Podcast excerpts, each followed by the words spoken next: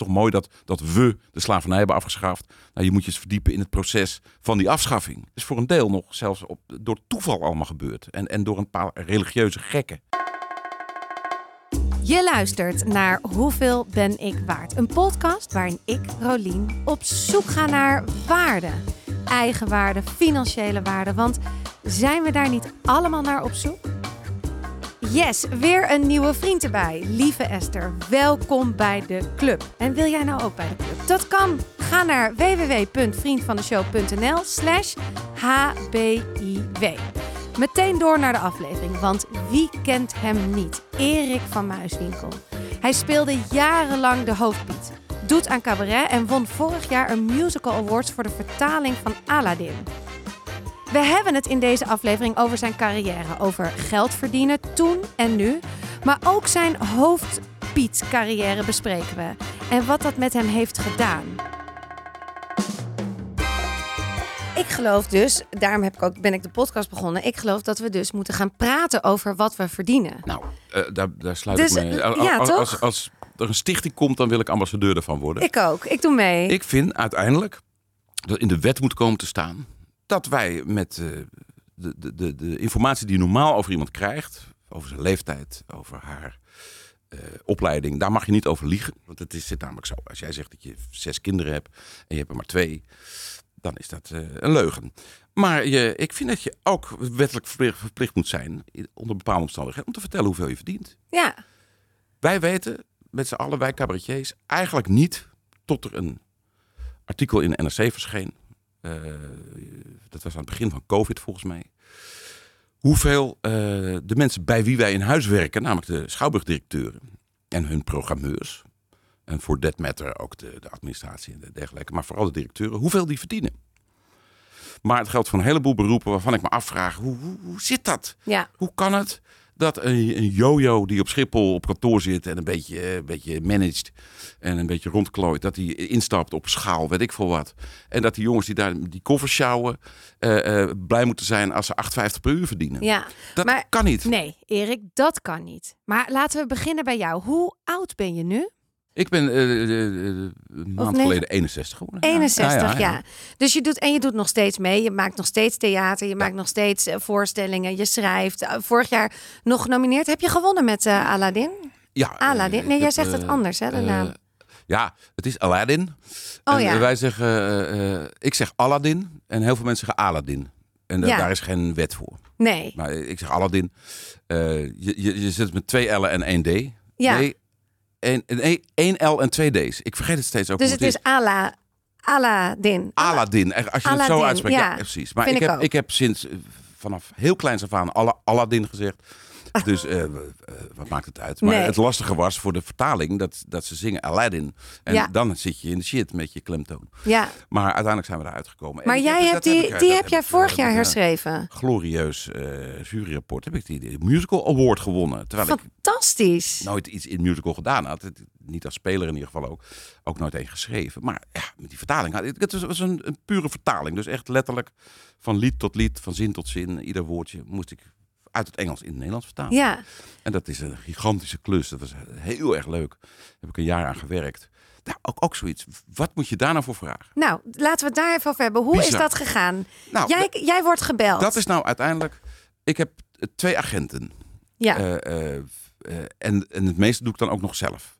Maar ik heb één puur commerciële agenten voor als er, meestal bedrijfsleven, maar ook wel overheid, als ze me nodig hebben voor een dagvoorzitterschap of heel vaak ook afsluitingen.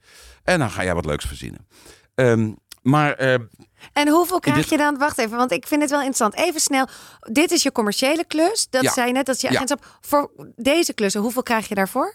Maar daar staat, daar staat absoluut geen, geen geld voor. Als het voor, of voor onderwijs is, eh, dan is het per definitie het- budget vaak beperkt. Maar wat is beperkt? 100 euro? Nee, 500 nee, nee, nee. euro? Als, je, als, je, als je op televisie bent en ze willen jou graag hebben, dat is Ja. het grote verschil. Heb jij het nodig eh, omdat je geld nodig hebt, of hebben zij jou nodig omdat je beroemd bent? Maar een aantal jaren geleden, toen ik veel op televisie was, eh, en dat vond ik dan ook wel eh, mezelf waard, waar je dus niet zozeer dagvoorzitter bent. Nee, je, je maakt iets nieuws.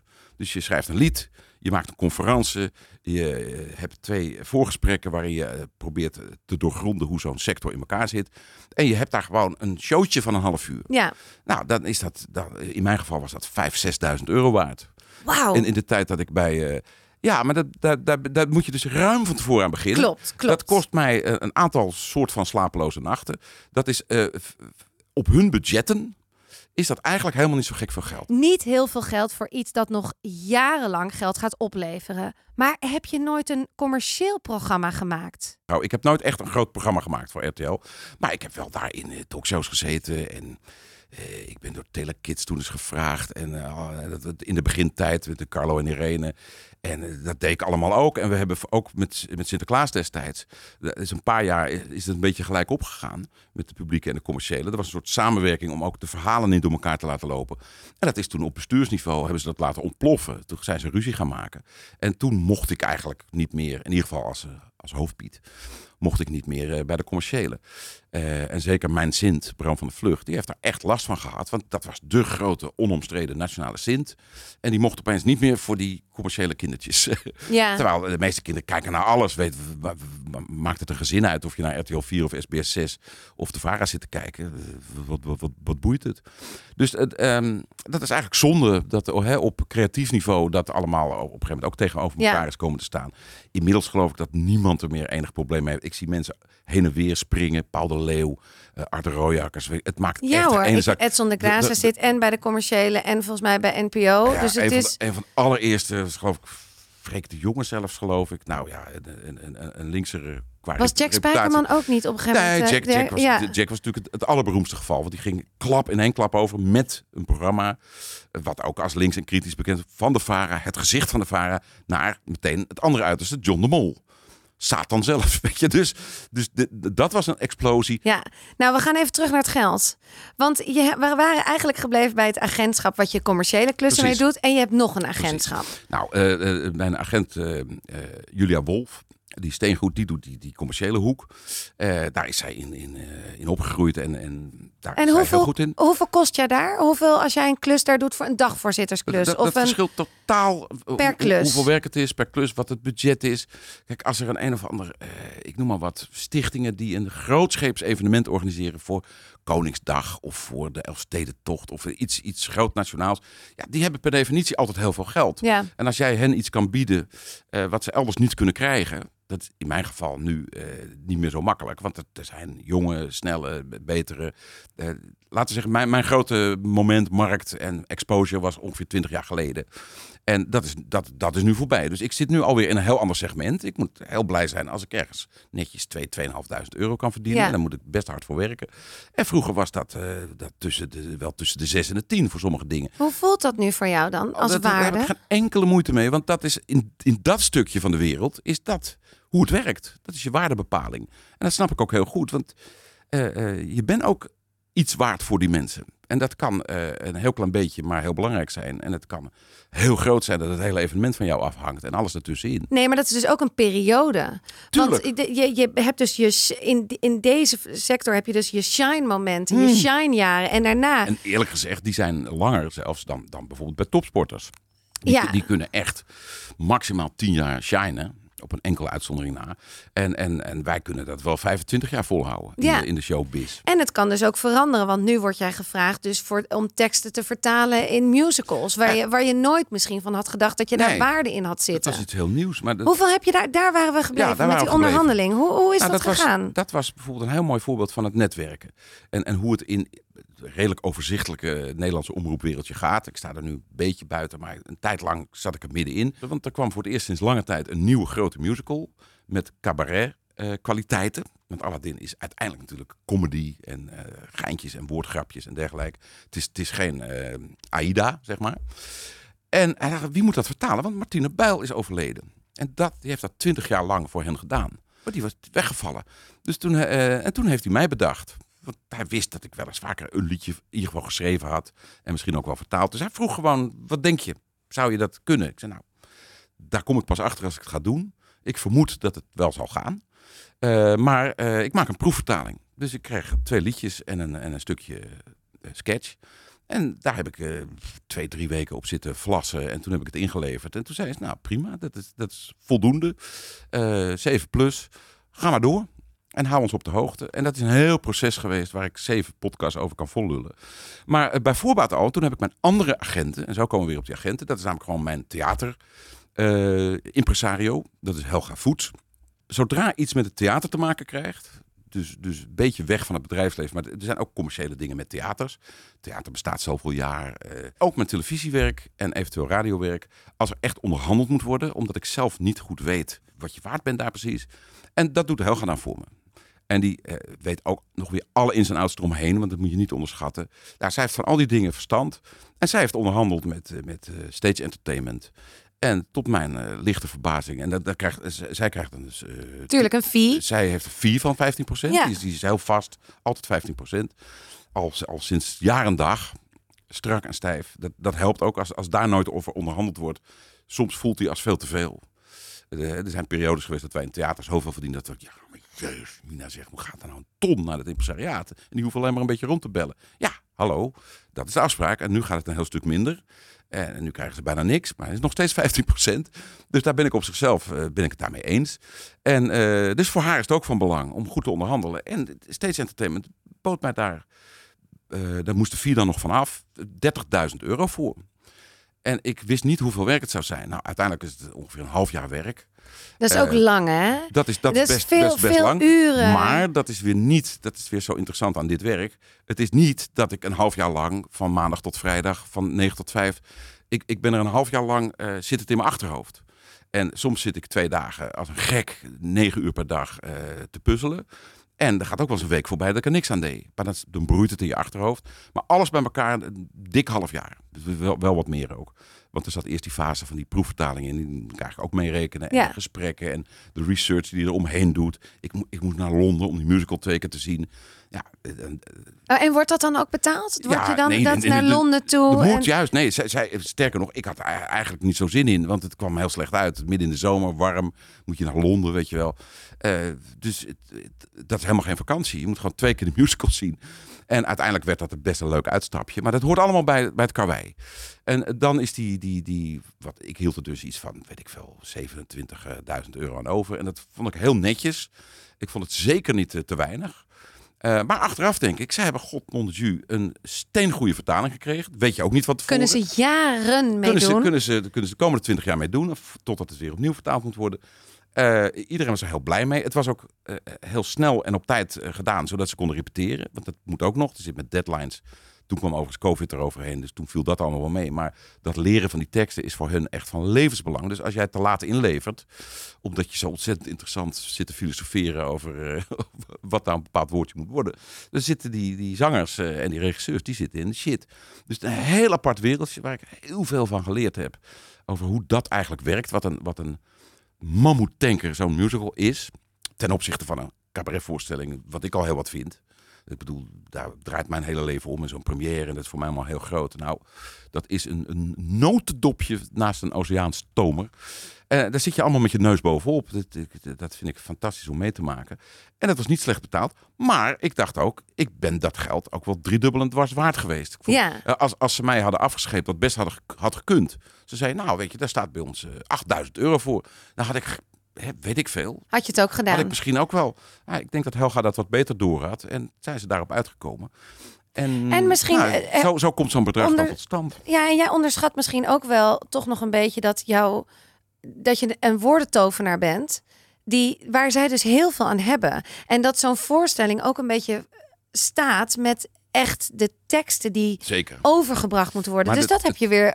Het pijnlijke is, dat, dat ben ik me zeer bewust. Dat Oké. ik. ik. Weet hoe zeldzaam dit talent is. Ja, Ehm, maar dit, eh, dit kunnen inderdaad weinig mensen. Ja. Dus dat is het dan ook waard. En als je, als je het weer helemaal van die kant bekijkt, denk je, ja, wie gaat dat voor ze doen?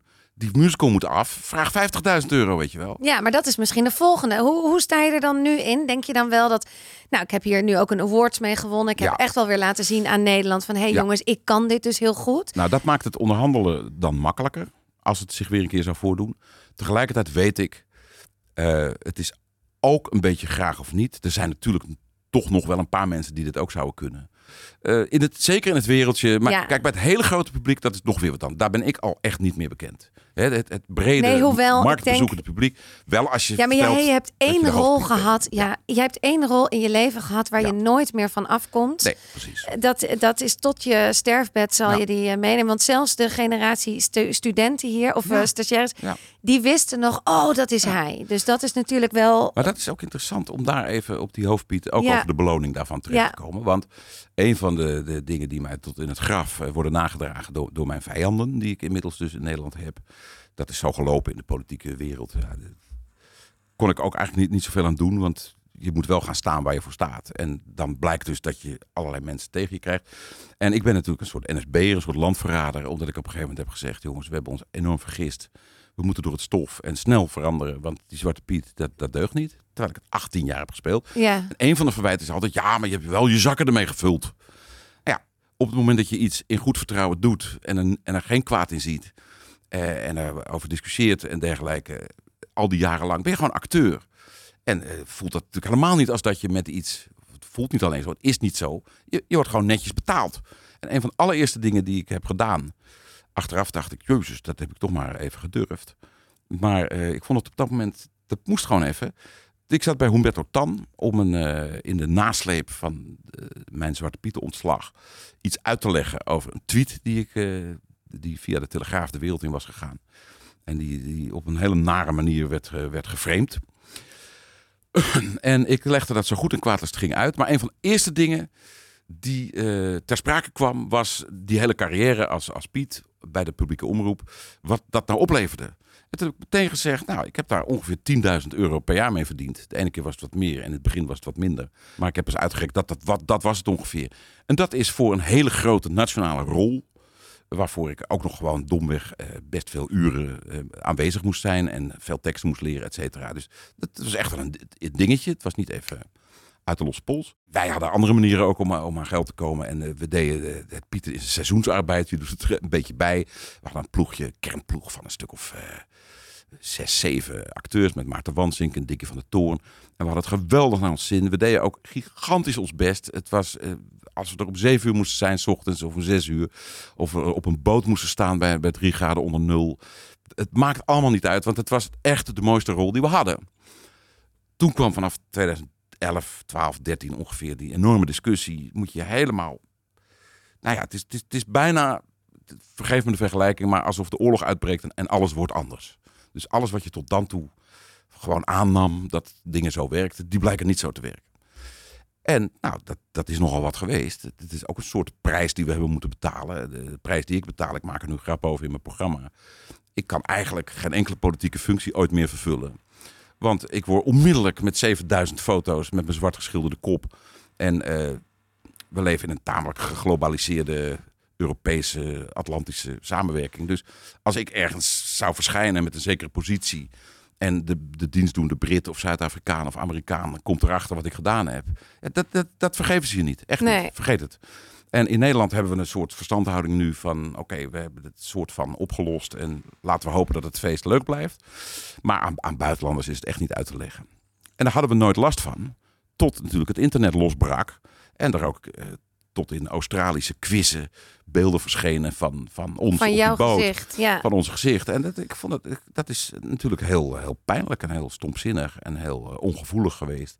En eh buitengewoon dapper van de mensen die uiteindelijk met de vuist op tafel hebben geslagen en gezegd, maar nu gaan we echt net zo lang door tot jullie dat afschaffen.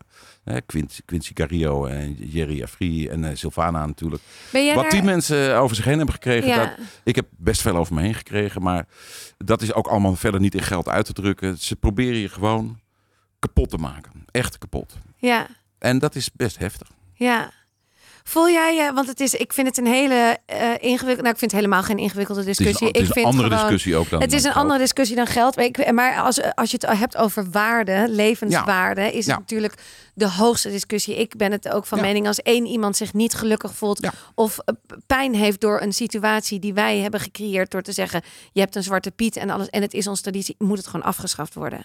Is het gewoon niet meer aan de orde. Maar er zijn dat, dat dus het, ik, ik, ik Ja, het is een, het, ik, ben- dat is mijn standpunt. En jou volgens mij inmiddels ook. Mm, maar oh kan ja, al lang ja. Ja, al, al toen. Want jij hebt dus uiteindelijk ontslag genomen. ja. Als, om, omdat dit voor jou dus ook in je waarde ging spelen. Dat je dacht, ja, ik kan hier niet meer achter staan. Ik Nee, kan die. Zwarte Piet helemaal niet meer spelen. Nee, want zeker. daar hebben dus, ik doe kinderen pijn. Ik doe mensen pijn. Nou, ik heb, ik heb een. eh, bij mij heeft het alles bij elkaar een jaar of vijf geduurd. Van de eerste schermutselingen dat ik, dat ik eh, mailtjes kreeg van de stichting Nederland wordt beter. En dat waren, dat waren vrij felle discussies. Eh, ik verdedigde het met begrip voor wat zij zeiden. Maar ik, ik, ik dacht dat er een aantal andere dingen speelden die, en die maakte ik belangrijker. Zoals bijvoorbeeld het eh, zeer helaas verkeerde idee dat Nederland intrinsiek helemaal niet racistisch is. Nou, het spijt me om het te moeten zeggen, maar dat is het wel. Voor een heel belangrijk deel. Maar op een hele rare, semi-bewuste. ehm, op een rare manier. Nou, die discussie die duurt heus nog wel 50 Ja. jaar. En ik heb pas een kleinzoon gekregen. En ik, ik weet bijna zeker dat als hij 20 is, dat we een heel stuk verder zijn weer. Maar daar heeft die Zwarte Pieter discussie daar voor een deel in geholpen. En ehm, ja, ik zelf heb, nou, dat zeg ik ongeveer vijf jaar over gedaan. Van de 18. Dus dat is toch, mm, nou ja, matig. eh een derde. En ik heb om die reden uiteindelijk, en dat had puur organisatorisch ook te maken met, met dat de NPS eh, er anders over dacht. En vond ik ons niet goed behandelde daarin. En daarom heb ik met een knal toen eh, afscheid genomen. Maar het heeft als. Wat was de knal? Kan je dat nog één keer vertellen? nou, de, de knal was simpelweg dat eh, wij op het moment suprem dat we hadden moeten doorpakken, dat niet hebben gedaan. Dus het, ik praat nu over het Sinterklaasjournaal. Het was heel simpel. We hadden een mooie stap gemaakt, vonden we zelf. De activisten vonden dat niet. Ik begrijp achteraf ook heel goed waarom. Maar we hadden het eerste setje roetveegpieten en we hadden een zwarte Sinterklaas. Nou, eh, Quincy Carillo heeft later nog een keer heel fel en goed uitgelegd waarom met name die zwarte Sinterklaas geen goed idee was. Ook dat, zelfs toen de discussie al eh, anderhalf jaar bezig was, hebben we dat niet aangevoeld. Domweg, omdat wij het, het, eh, de beeldvorming van het slavernijverleden en wat er in Amerika en ook in Europa aan eh, beelden en ficties is geweest rond die verhouding blank-zwart, wit-zwart, eh, dat, dat hebben wij niet goed genoeg begrepen. Mooi dat je jezelf corrigeert. Ja, ja, blank, eh, blank-zwart is, is nog altijd Ja, want het is wit-zwart. Dat is want zeg je maar de koloniale blank, ja. tegenstelling. is nog steeds, laten we zeggen, op woordniveau is dat nog steeds zwart en blank. Maar inmiddels natuurlijk het, zwart-wit, het ja. woord wit. Ja, Maar ehm, die, dat hebben we ons niet goed genoeg gerealiseerd. Toch kregen we veel lof, zelfs een prijs gekregen voor die, uit, voor die aflevering. Dat was namelijk in 2014, volgens mij. En iedereen vond, en, en eh, eh, rechts en pro-Zwarte Piet was heel erg boos over die twaalf roetveegpieten die er rondliepen. Want die zagen dat als de grote eerste concessie. Op weg naar het afschaffen van Zwarte Piet en ons feest en ons land en onze cultuur en onze tradities. Drama. Kortom, dat speelde. En toen hebben we een enorme klap gehad het jaar daarop. Want toen bleek, hebben ze heel lang het script gelijk, eh, geheim gehouden voor ons acteurs. Terwijl Maarten Wansink en ik daar al 18 jaar. letterlijk al. ja, wij, wij, wij waren er eerder dan al diegenen die dat toen bedachten. En we werden gewoon in het duister gehouden. En we kregen een week voor de eerste opname dat script. Onder zwaar embargo met een contract tekenen dat je 1500 euro boete kreeg als je het naar buiten bracht. Van dat soort dingen. Nou, dat was al niet zo aangenaam. En eh, toen zagen we in dat script dat er niks veranderd was. Wij waren allemaal nog pikzwart. Eh, er waren nog steeds ongeveer evenveel roetpieten. Er werd eigenlijk over het probleem zelf nauwelijks meer gepraat. Ze maakten pas op de plaats. En ik heb het toen wel gespeeld. Het moest, ik ga niet het programma een week van tevoren in de steek laten. Dat, dat kan je ook. Dat voelde dat, niet. Dat, dat ga je de, de kijkers niet aandoen. En je collega's. Want het, Maar dat is een, di- dit is een, maar dat is heel een enorm dilemma. dus wij hebben daar met, ik althans met knarsende tanden en, en grote woede hebben we dat gespeeld.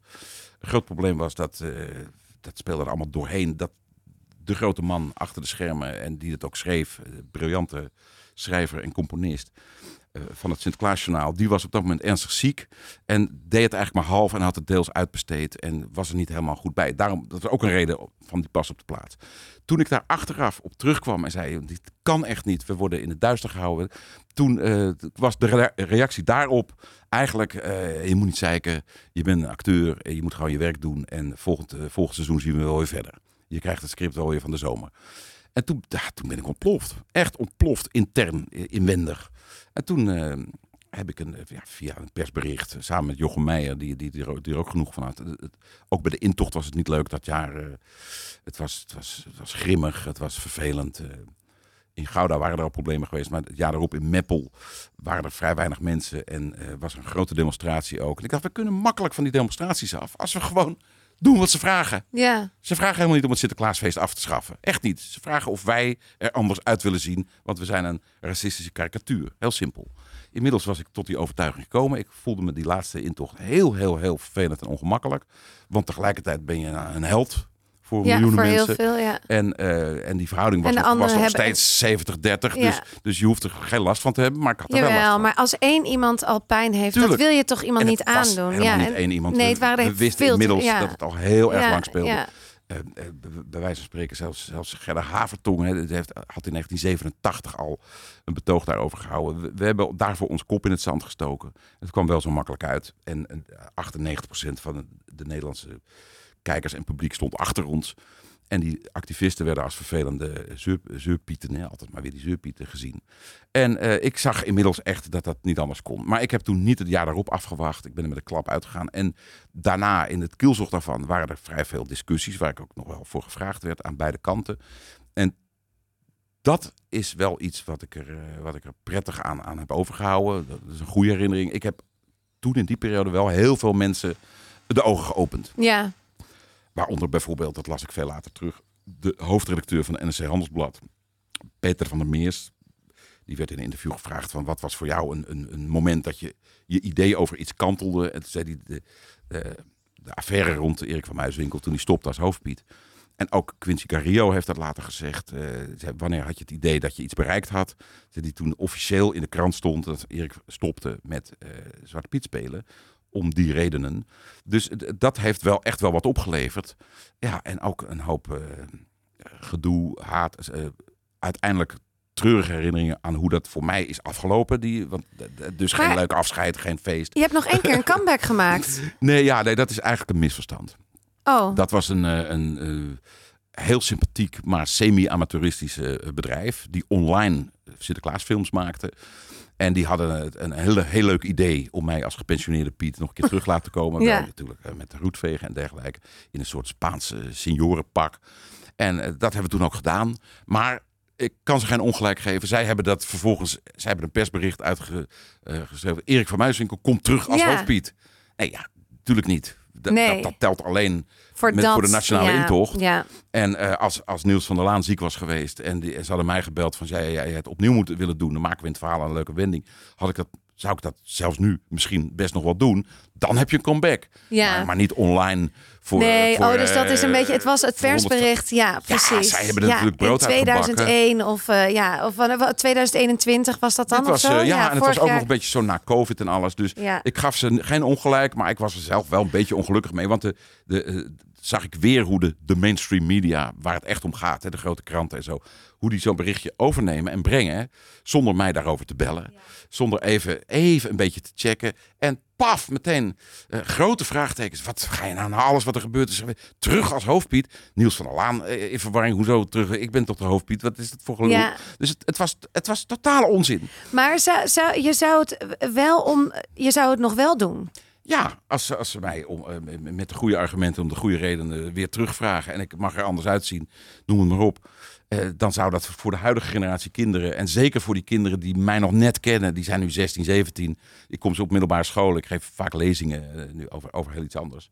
Dus ik kom veel op middelbare scholen en heel langzaam hoor je zo fluisteren, maar dat was gewoon, dit was de hoofdpiet. En opeens komen ze massaal met allerlei bierviltjes voor een handtekening. Want het is nog net op het nippertje. Kijk, op basisscholen al niet meer. Want het, het is zes, zeven jaar geleden. Dus kinderen van tien. Nee, die weten het daar niet meer. Dus Mijn zoon van 14 weet het ook niet meer. nee, nee, nee. Nee. Het zit eh, rond 16, 17, 18 Ja. nu. En, eh, dan zijn er ook nog wel kinderen die dan een beetje tv keken in die in de begintijd toen ik nog af en toe te zien was.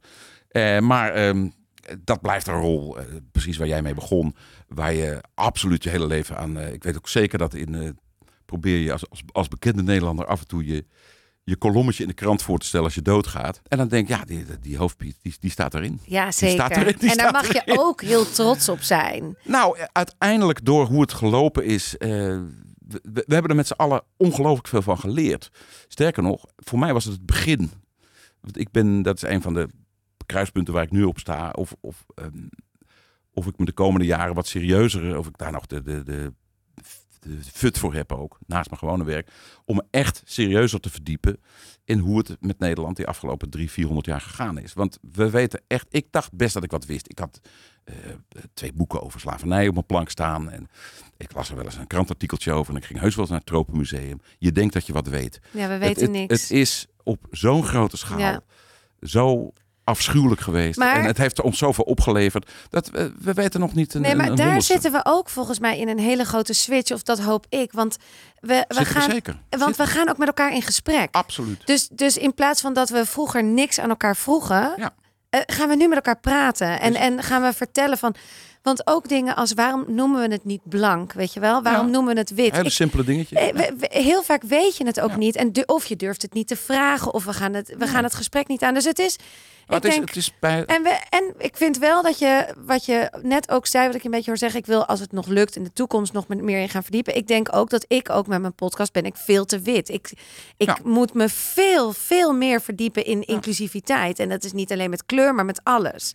En, dat, en, en dat, die verantwoordelijkheid ligt wel bij de makers van, van dingen, maar dat bij, bij elk, elk beroep. Bij redacteuren, bij, Bij de redacteuren, bij- ook bij mensen precies, die, bij- die, die, die sollicitatiegesprekken voeren. Wie, wie, wie, wie nodig Wie je uit? nodig wie je niet? uit? Welke, welke, waar, waar ga jij op zoek naar Ja. nieuwe managers? Ga je alleen maar naar het koor? Ja, Of ga je ook naar andere studentenverenigingen Tuurlijk. die in de Bijlmer zitten of die misschien. eh, dus het, het begint bij, heel, bij eigen verantwoordelijkheid, hand in eigen boezem. Ja. Ehm, En eh, die historie is daar maar een onderdeel van. Maar voor eh, mensen van kleur is dat een heel belangrijk onderdeel.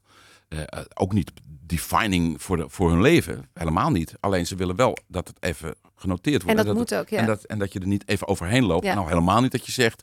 ach, het is zo lang geleden, eh, hou op met die het slachtofferrol. is, en het Dat is, ook niet lang geleden. Het is nog niet lang zo geleden. kort geleden. Ze nemen in tegendeel geen slachtoffer. Het hele idee dat Sylvana Simons bijvoorbeeld een slachtofferrol aanneemt. Ik bedoel, zij is de meest agressieve, voorwaarts werkende, eh leftonende eh, warrior die je kan bedenken. Hoe Ja. kan je die een slachtoffer noemen? Degene die zij fileert, dat zijn slachtoffers. En, en terecht. Maar dat, het idee dat zij zielig zou gaan zitten doen, dat, dat doet ze Heeft ze ook niet. nooit gedaan. Tegendeel, Nee, nee. tegendeel. Maar dat is, dat is een van de frames die, die activisten krijgen. Ja. Ja, je zit altijd met te miepen. Kijk nou eens eh, positief vooruit. Het is, allemaal, het is toch mooi dat, dat we de slavernij hebben afgeschaft. Nou, je moet je eens verdiepen in het proces van die afschaffing. Ja. Dan schrik je je ook helemaal kapot. Dat Ja. is voor een deel nog zelfs op, door toeval allemaal gebeurd. En, en door een paar religieuze gekken. Ja. Maar het, had, het was niet onmogelijk geweest dat het gewoon nog, nog 150 jaar had doorbestaan. Oké, Erik, helemaal mee eens. En Sylvana Simons, kom jij een keer kletsen in de podcast? Nu weer terug naar waarde. Wat mag iemand van jou maximaal verdienen? Ik vind niet dat een, een mens op deze aardbol meer dan 10 miljoen dollar nodig heeft. Dat heb je uitgerekend dat je niet meer dan dat nodig hebt. Of is dat gewoon, heb je dat zo uit de natte vinger, uit de natte, hoe dat zeg is voor een deel natte vinger. Ja. Voor een deel ook het domweg. eh, Hoeveel als- heb je als, nodig? Als je alles omrekent. Eh, en dat heeft de quote een keer voor mij gedaan. Omdat hij mij ook een loer wou draaien. Want ik was natuurlijk een linkse zakkenvuller.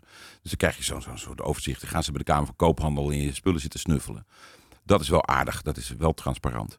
Maar ik ben geloof ik nu goed officieel voor 1,4 miljoen. Dat zit hem dan in, in, in de... Oh, je zit, jij zit de ook in de, ja, ja, ja, precies. In, de, in, de, in, de- in, in, in die drie huizen die we hebben. En in één daarvan wonen we zelf. En in twee daarvan wonen kinderen. En die betalen netjes huur. Zoals heel veel mensen met geld dat oplossen. Maar die 1,4 miljoen die is niet zonder problemen als je mijn pensioenregeling meetelt. Eh, als je meetelt dat ik eh, nu, eh, dat ik in het begin en aan het eind van mijn carrière veel minder verdien dan op de top. Kortom, eh, ik ben ten opzichte van een groot deel van de wereldbevolking behoorlijk rijk. Zelfs binnen Nederland ben ik behoorlijk rijk. Maar ik kan niet zomaar doen wat ik wil. Echt niet. En ik moet eigenlijk ook nog steeds werken op dit moment. Dus dat is allemaal verder van geen enkel belang. Maar daaraan kan je wel ongeveer afmeten. Als ik nou 10 miljoen had, laat staan als je 10 miljoen per jaar verdient. Ik bedoel, die zijn er ook. Dan, eh, ja, worden al je materiële en familiebehoeftes tot in het tweede geslacht, derde geslacht, eh, bevredigd. En ik zie niet goed in, moreel, puur moreel filosofisch, waarom mensen meer zouden moeten hebben. En niet gewoon een beetje meer. Nee, er wonen in Nederland heel veel mensen en in, in het buitenland nog veel meer. Die hebben niet, niet 10 miljoen, die hebben 100 miljoen. Of die hebben 300 miljoen.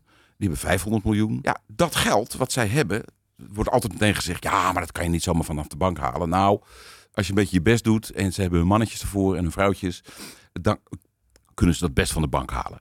Alleen, ja, het zit natuurlijk in fabrieken en investeringen en aandelen, weet ik veel allemaal. Maar dat vinden ze leuk, dat is hun wereld. Maar het is wel dat waard. En uh, in Nederland heb je dat prachtige werkwoord verdienen. Wat verdien je? En verdien je het ook? En als je het op zo'n manier gaat bekijken, dan lijkt mij dat niemand meer waard is dan 10 miljoen. Dus ik vind dat een, een heel essentieel moreel probleem van hoe de wereld op dit moment is ingericht. Maar het is toch gewoon iets dat we leven helaas. Ik, ik denk dat we het gewoon, als jij en ik hier nu zitten, we moeten het kleiner maken. Ik denk dat je het eerst al transparant moet maken, bijvoorbeeld binnen een, publieke omroep, binnen de commerciële. dus gewoon en ook uitleggen, misschien zo'n Matthijs van Nieuwkerk, dat hij gewoon dat, dat er wordt uitgelegd. Oké, hij krijgt zoveel ton. Daar doet hij dit, dit en dit voor. Daar zitten zo, weet je wel, want maar, soms. Matthijs heeft het al herhaaldelijk ook wel zelf uitgelegd. Ook in een ziekenhuis, ik noem het maar wat. Dat iedereen van elkaar weet wat ze verdienen. Ja. Want, uh, en dan zou je nu denken, dat, dat wordt chaos, want iedereen wordt dan boos. En nee, nee, nee, dat denk ik ook Als mensen boos worden, is dat terecht. Ja. Want, en je moet het ook kunnen verdedigen wat je verdient. Ja, ja, inderdaad. En dan zie je dat een heleboel mensen eigenlijk veel te weinig verdienen. En een aantal mensen, het heeft met verantwoordelijkheid te maken. Het heeft met opleidingsniveau te maken. Dat snapt iedereen. Niemand zal tegenspreken dat je met een bepaalde opleiding, een bepaalde ervaring meer mag verdienen dan een ander. Uh, dat is het misverstand. Iedereen roept dat, oh, socialisme, communisme, moet iedereen uh, hetzelfde verdienen. En dan heeft niemand meer een reden om nog iets te doen. Dat is helemaal het punt niet. Het gaat om een eerlijker verdeling. Ja. En dan denk ik dat, dat transparantie in wat iedereen verdient, zou best kunnen helpen. Weet je wat nog gekker is, Erik? Ik werk bij de KLM. Ik ben al 16 jaar stewardess. Wij mhm. hebben allemaal dezelfde schalen. Hè? En, ja. en alsnog, als ik het aan iemand vraag, dan mhm. is het ja, nou, ik, ik, heb nu zit ik op uh, 23. Ja, nou, en dan denk ik, hè? Je weet eigenlijk, weet je het, Ik weet het ook wel een beetje, maar we zitten natuurlijk in verschillende stappen. Maar we kunnen dan, waarom bespreken we het niet? En waarom, ook omdat een, een, een baas, dus een, de captain, die wil het ook niet echt zeggen. Want die heeft weer een andere CAO-voorwaarde dan toch misschien zijn co. Of, terwijl ik wil nooit purser worden, dus ik zal ook niet opschalen. Ik wil die verantwoordelijkheid niet. Ik vind het ook niet erg om dus die... Ik werk 50%, ik vind die 17,50 ongeveer om en nabij, ligt een beetje aan per maand. Ja. Uh, en ik ben daar heel content mee, maar ik vind het wel de beeld dat ik het van anderen niet mag weten. En het gaat er dus niet om dat een purser meer verdient dan een stewardess. Het gaat erom hoeveel meer die verdient. Precies. En dat is bij de purser en de stewardess denk ik best redelijk in verhouding. Zeker. Maar er zijn een heleboel gebieden op de maatschappij waar dat totaal uit verhouding is. En een daarvan is de leraren, eerste graads leraren, de universiteit hebben gestudeerd. En uh, uh, vroeger noemen we dat peuterleidsters, dus crashleiders, ja die met echt kleine kinderen nou, werken. Dat verschil is bijvoorbeeld gigantisch. Ja, en ook binnen ook KLM kan het soms schelen. Een purser en een, en een, en een cabin attendant. Alleen de, als ik weet wat een purser verdient. En ik kan me daarover fantaseren van... Oh, oh, ze verdient misschien 500 euro per maand. Nou, misschien wil ik dan toch promoveren. Of wil ik toch die stap maken. Maar omdat, ik no, omdat het allemaal zo vaag is. Dus ook voor die kleuterleidster. Ja, die denkt... Ja, stel dat ik leidinggevend wil worden. Maar hoeveel zal ik dan verdienen? Ja, misschien is het niet de moeite waard. Laat maar. Ik blijf wel lekker in mijn eigen schaal zitten. Maar hoe gaan we dit openbreken? Door uh, om te beginnen eens een keer op de goede uh, partijen te stemmen. Die daar oren voor hebben, die, daar, die daarover nadenken. En niet, ik zeg het maar weer, op de VVD, die dat van begin tot aan eind altijd gesaboteerd heeft, dit soort discussies. Want ja, dat is logisch, die zijn er om de belangen rijker, van... rijker te van, maken. Nou ja, dat wil ik niet direct zeggen. Maar in ieder geval de belangen van het, van het bedrijfsleven... zowel de grote bedrijven als het MKB... en die hebben ook belangen en de boeren hebben ook belangen. Dus dat moet verdedigd worden.